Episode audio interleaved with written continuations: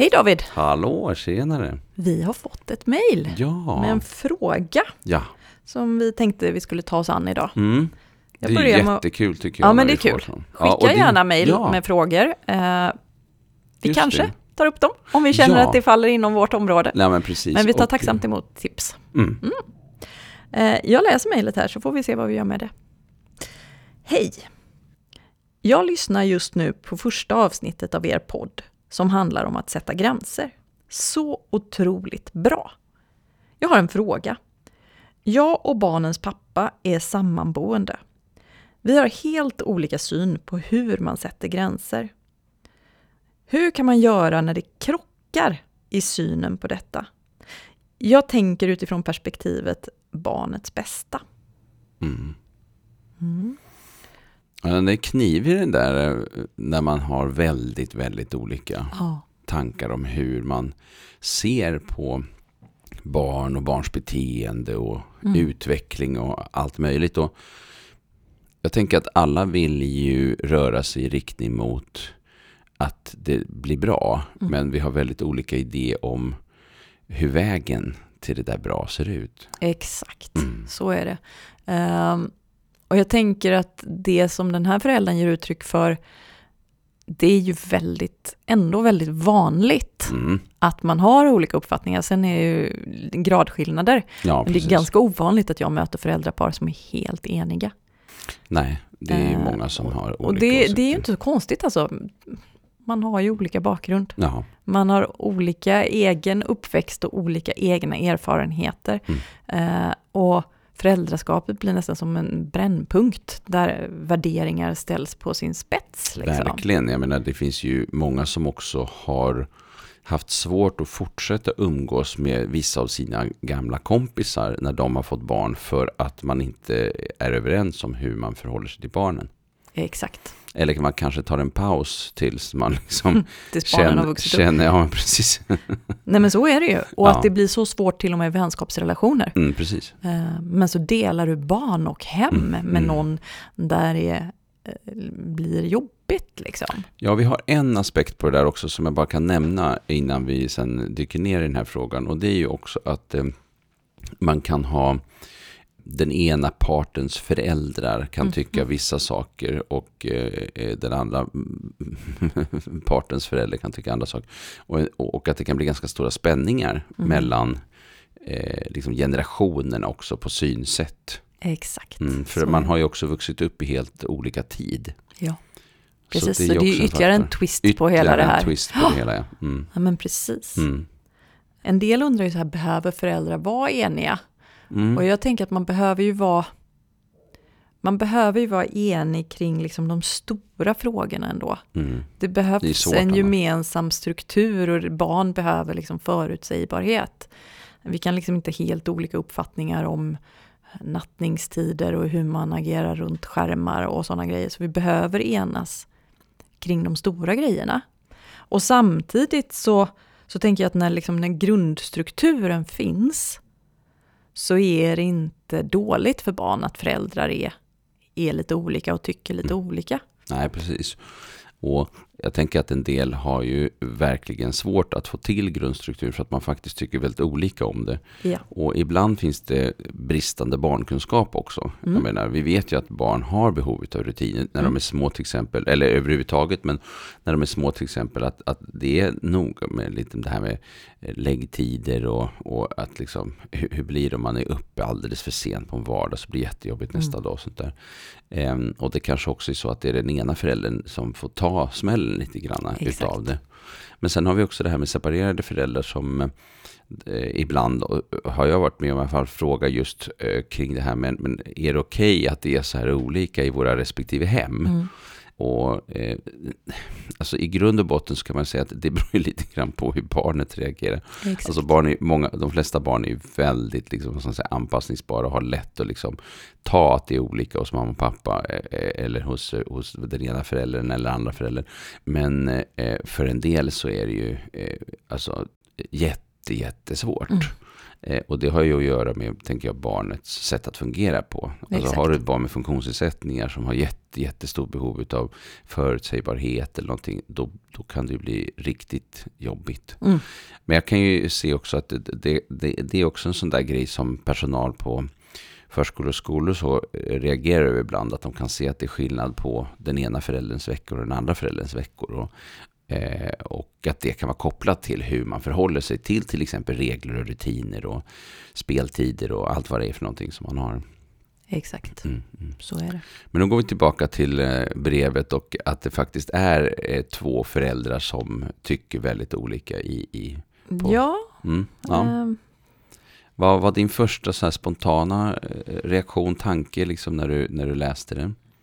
jag tänkte nog att ehm, självklart så är det ju så att de här föräldrarna behöver prata med varandra Ja. och hitta till den där eh, grundplattan som är tillräckligt stabil. Mm. Eh, och jag tänkte att ibland så behöver man ta hjälp Utifrån? utifrån. Ja, absolut. Eh, och det är verkligen inget nederlag utan snarare tycker Nej, jag ett tecken på både eh, styrka och, Mm. Och mod. Liksom. Och jag tänker framförallt när man hamnar i det här diskussionen kring men vad behöver egentligen ett barn Mm. med sömn och mat och sådär. Då kanske det är så att man behöver ta hjälp av någon utifrån för att Mhm. kartlägga just det. Just det. Eh, men just att acceptera att det tar tid Mhm. och att vi behöver avsätta den tiden för att liksom förhandla fram, resonera oss fram till ett föräldraskap som funkar för både dig och mig och för barnet eller barnen som är inblandade. Mm. Det är liksom inte så att det bara kommer naturligt när man får barn. Nej. inte för alla gör det inte det, Snarare eftersom så att vi det har ställs så... mer på sin spets. Exakt, Mm. precis så. Mm. Mm. Eh, att vara öppen för tänkte jag på att resonera kring och fundera över sina egna utgångspunkter och värderingar. Som om jag och min partner har olika uppfattningar om huruvida eh, man får hoppa i soffan eller inte. Mm. Och jag har bestämt mig för att man får inte hoppa i soffan. Att vara öppen för, men varför får man inte det då? Varför är det här så viktigt för mig? Mm. Är det för att jag är rädd om barnet? Är det för att jag är rädd om soffan och prylarna runt omkring? Eller är det bara för att jag lever med någon sorts idé om att man hoppar inte i soffan? Mm. Ja. Punkt. Mhm. Så att liksom titta på det, är det, är det nedärvda traditioner och uppfattningar eller finns det någonting annat bakom som handlar om mina, mina egna behov Just och det. värderingar? Mm. Och att vara, vara modig nog och prestigelös nog att våga titta Mm. på det, tänker jag är otroligt viktigt. Mm. Ehm, sen när jag förberedde mig för det här avsnittet så, så satte jag mig ner och funderade väldigt konkret över om vi nu ska prata med vår partner om det här. Hur gör vi? Mm, ja, Vad ska vi det, tänka på? precis. Ja. Så jag har några konkreta punkter Perfekt. där tänkte jag. Ehm, där den första punkten är eh, när vi pratar om det här, alltså Mm. för det första naturligtvis prata inte om det i stunden, Mm, i stridens hetta. Inte när vi står där och har olika uppfattningar om huruvida Nej, Emil ska äta upp inte maten vara. eller inte. Nej. Eh, Det är liksom inte då det är läge att prata om, om det här. Utan prata om det när det är lugnt, när alla är respektfulla. Eh, Tänk på att när du går in i samtalet, att målet ska vara att hitta en lösning som funkar för alla inblandade. Snarare än att få din partner att tycka som dig. Mm, mm. För om du går in med uppfattningen att nu ska jag övertala min partner eller min medförälder här om att jag har rätt och hen har fel. Det är en sjukt dålig ingångs, Mm. Ingångsparameter är i, ett respektfullt samtal. Det kommer inte att funka liksom. Um, så utgå från att ditt perspektiv är lika mycket värt som partners, varken mer eller mindre. Mm. Tänk på ditt kroppsspråk, ditt Mm. tonfall, den icke-verbala kommunikationen. Det här är liksom grejer som man behöver kolla med sig själv redan innan man går in i samtalet egentligen. Eh, sen när man öppnar samtalet, blir jag jättekonkret här, men jag har märkt Ja. att föräldrar gillar när man är konkret, så nu Mm. blir jag konkret. Det är bra. Eh, sätt ord på vad du har observerat. Som att jag märkte att vi hade olika uppfattningar när Emil ville äta framför tvn. Har du tid, kan vi snacka om det? Mm. Snarare än att säga att du var otrevlig mot Emil förut när Mm. han ville äta framför tvn. Så om du börjar med en anklagelse så har du ganska kass. Det blir inget bra. Nej, det är det här det, det, då är vi igen där att det är sjukt dålig ingång i, i samtalet. Liksom. Och, ä, ä, det, då är vi inne på det här som man ibland kallar du-budskap och jag-budskap. Exakt. Mm. Du-budskapet leder till anklagelse och jag-budskapet är mer det här också att uttrycka sina egna, sin Ja, egen upplevelse kring någonting. Exakt, precis så. Så tänk på redan innan du tar upp det här, hur Mm. ska jag uttrycka mig för att inte väcka motstånd hos den Nej, andra? just det, precis. Ja. Mm. Eh, det jag tar upp nu som en ingång i samtalet, hur skulle det vara för mig om min partner började med det? Mm. Om han sa att jag tyckte att du var otrevlig mot vårt barn, hur skulle du reagera då? Mm. Eh, och om du inte känner att du skulle kunna köpa den beskrivningen, då ska du heller inte uttrycka den. Liksom. Nästa steg är ju faktiskt, det här är så svårt, för nu har vi laddat för det här samtalet, jag Ja. säga mitt. Men nästa steg är egentligen att börja med att lyssna. Ja. Lyssna på din partner Mm. och lyssna för att förstå, Mm. snarare än att lyssna för att svara eller gå emot. Liksom. Så, och då blir ju frågorna, vad är det som är viktigt för dig? Jag vill förstå. Berätta mer. Kan du utveckla? Och nu hör du när jag ställer de här frågorna att jag i alla fall försöker vara ganska respektfull. Eh, jag, jag säger, hur är det för dig? Kan du berätta mer? Jag vill förstå. Jag säger inte, men berätta mer då.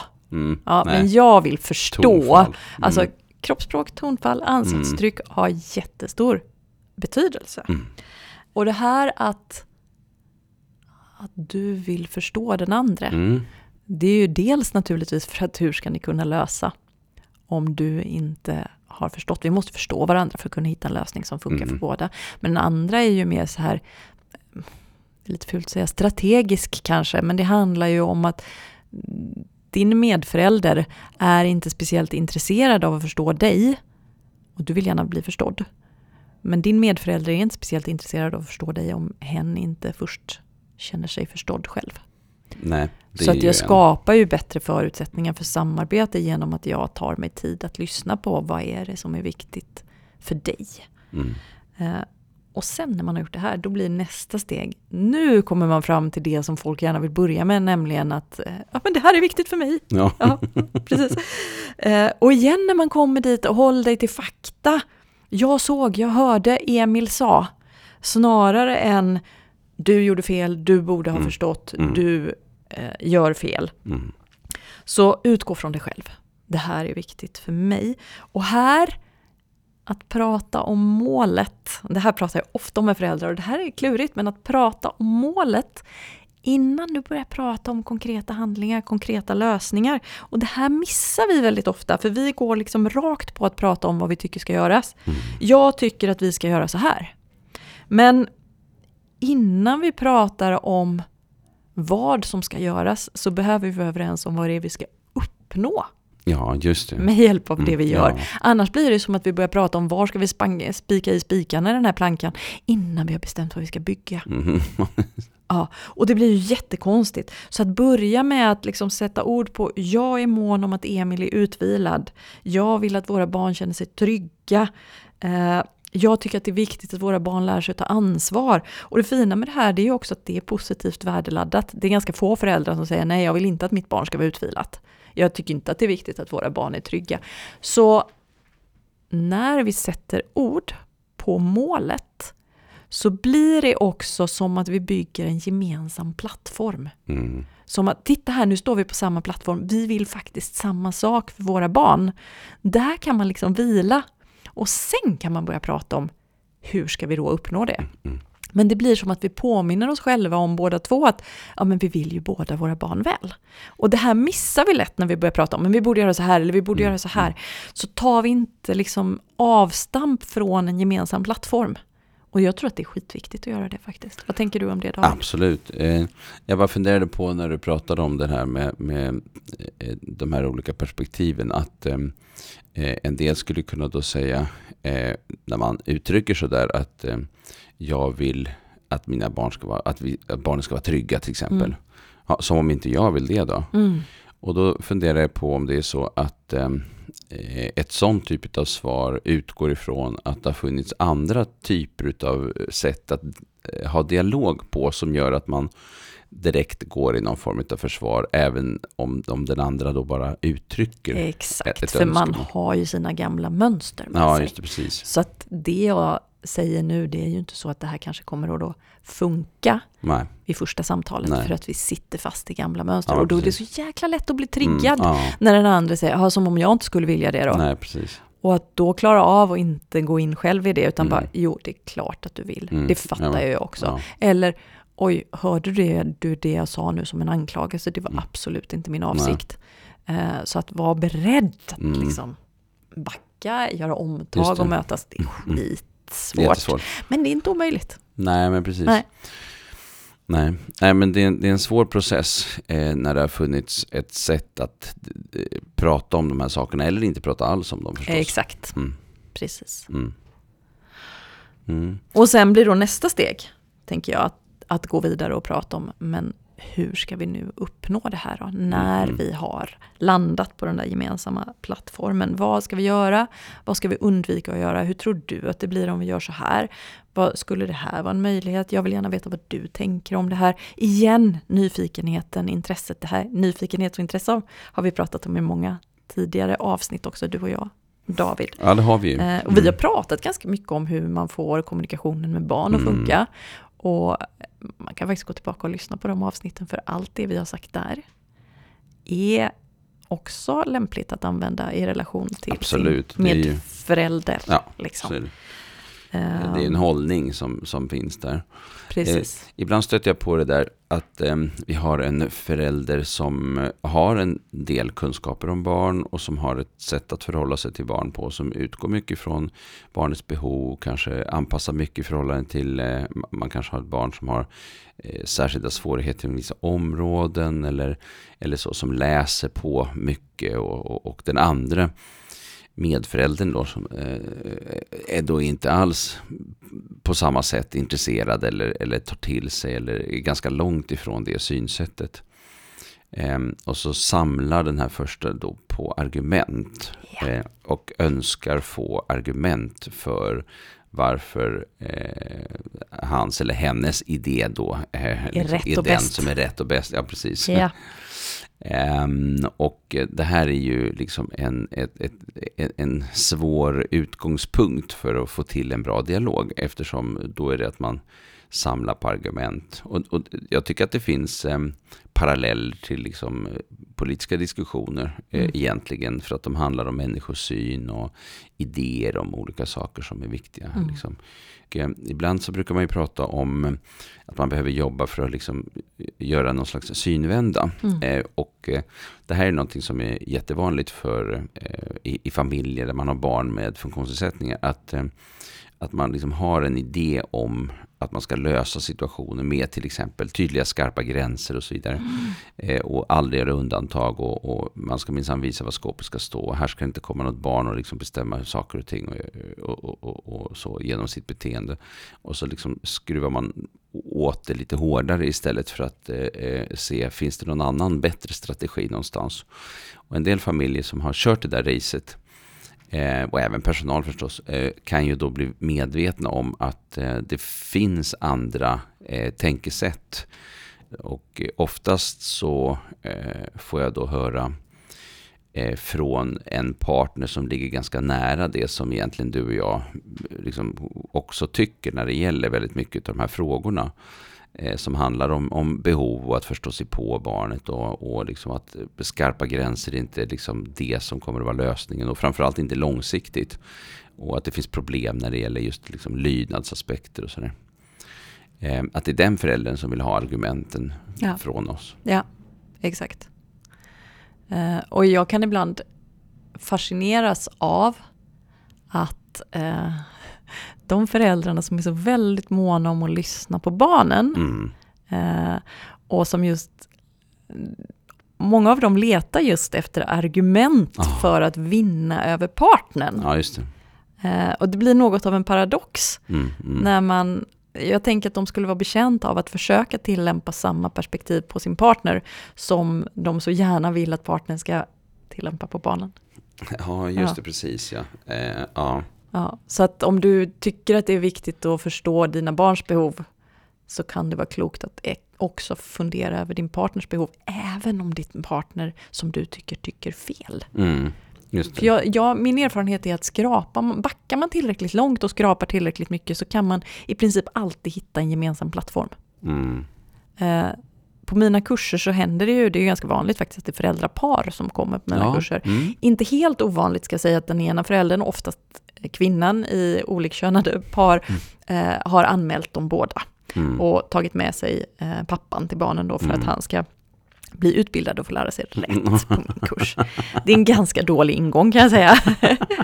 Eh, men det som är väldigt bra på de här kurserna, det är ju att vi börjar verkligen på eh, ja, längst ner eller längst fram beroende på hur man ser det. Vi börjar med att prata om målen. Mm. Vad är det du vill för ditt barn? På lång sikt, ja. På lång sikt. Mm. Och det visar sig att även de här föräldrarna som kommer som är väldigt oeniga mm. om hur man gör, ja. de är ju alltid Mera faktiskt. eniga på målen, ja. Alltid Mm, mm, mm. eniga om målen.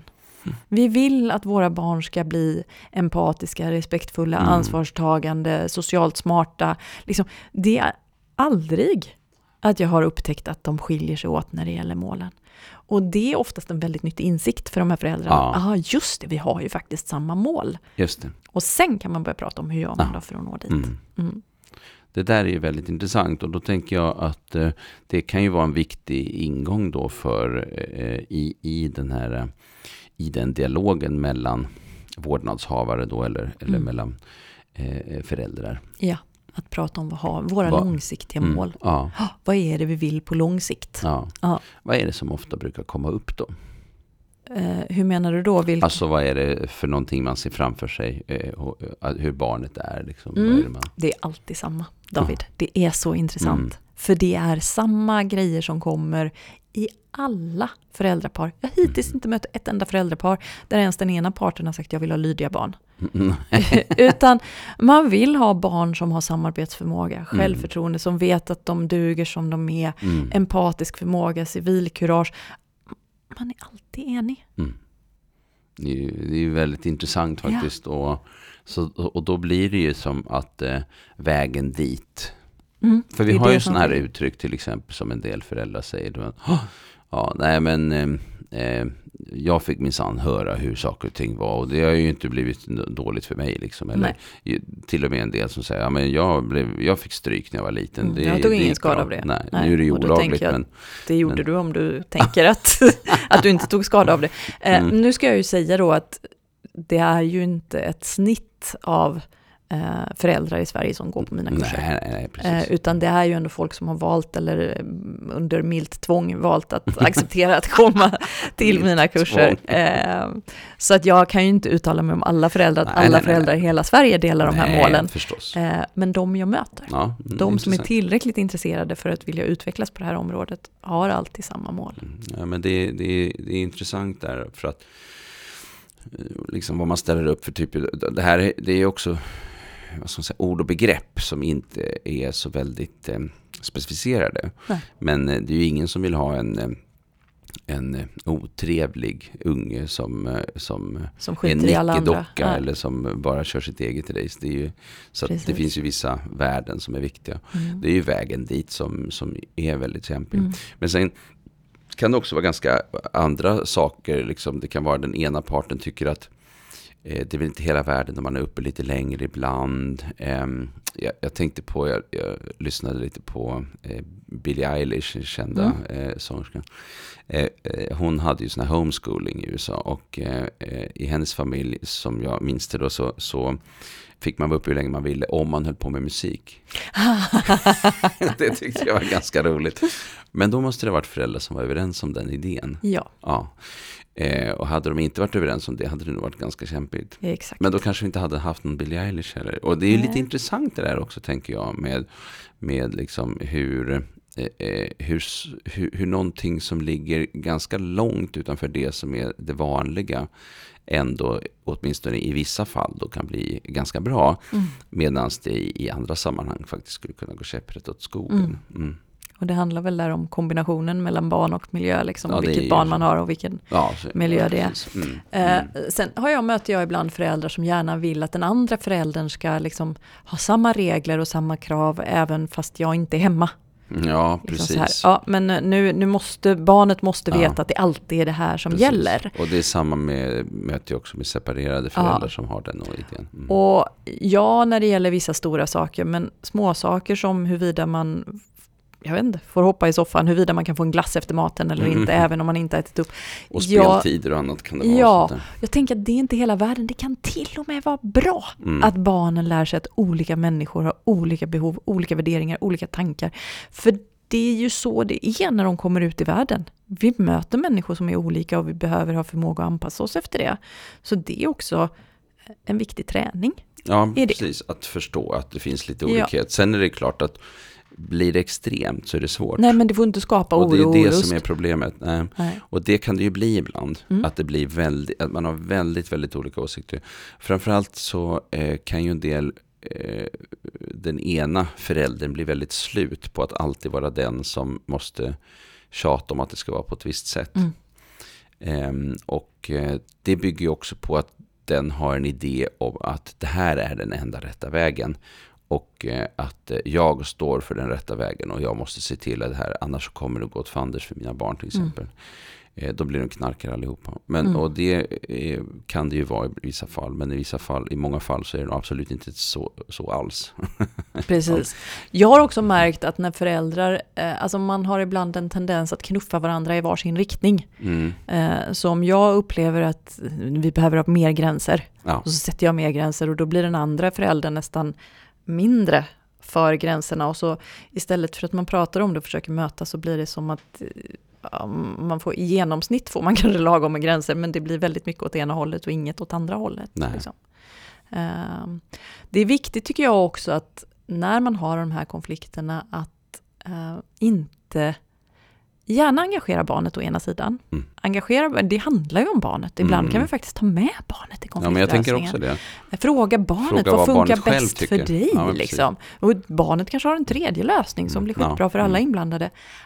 Och samtidigt så är det ju superviktigt att vi gör det där på ett sätt som inte innebär att vi kräver lojalitet av barnet. Nu tycker jag att du ska hålla med mig här. Så att barnet inte behöver uppleva att jag avgör någon sorts strid här mellan Nej. mamma och pappa. Precis. Eh, Så vi måste ju vara mogna nog att liksom eh, våga släppa in barnet där. Mm. Jo, eh, det här med att lyssna till barnets egna röst och berättelse är ju någonting som är jätte, jätteviktigt. Och jag ser ju att det finns en risk att vuxna pratar för mycket till barn istället för med Mhm. barn. Eh, och eh, att vi behöver eh, eh, ta, med, ta med barn i, i att höra vad, vad barnet själv har för, för tankar. Men också vet- berätta om premisserna. Mm. Att, att jag vill höra hur du tänker men, men det är för att jag bättre ska förstå hur läget är så att säga. Och Mm. jag tänker att det finns en parallell egentligen till, till eh, när vuxna på arbetsplatser får vara med och eh, tycka om organisationsförändringar eller annat. Så kan man eh, tro att man också eh, får vara med i själva beslutsfattandet om, om hur saker och ting ska bli.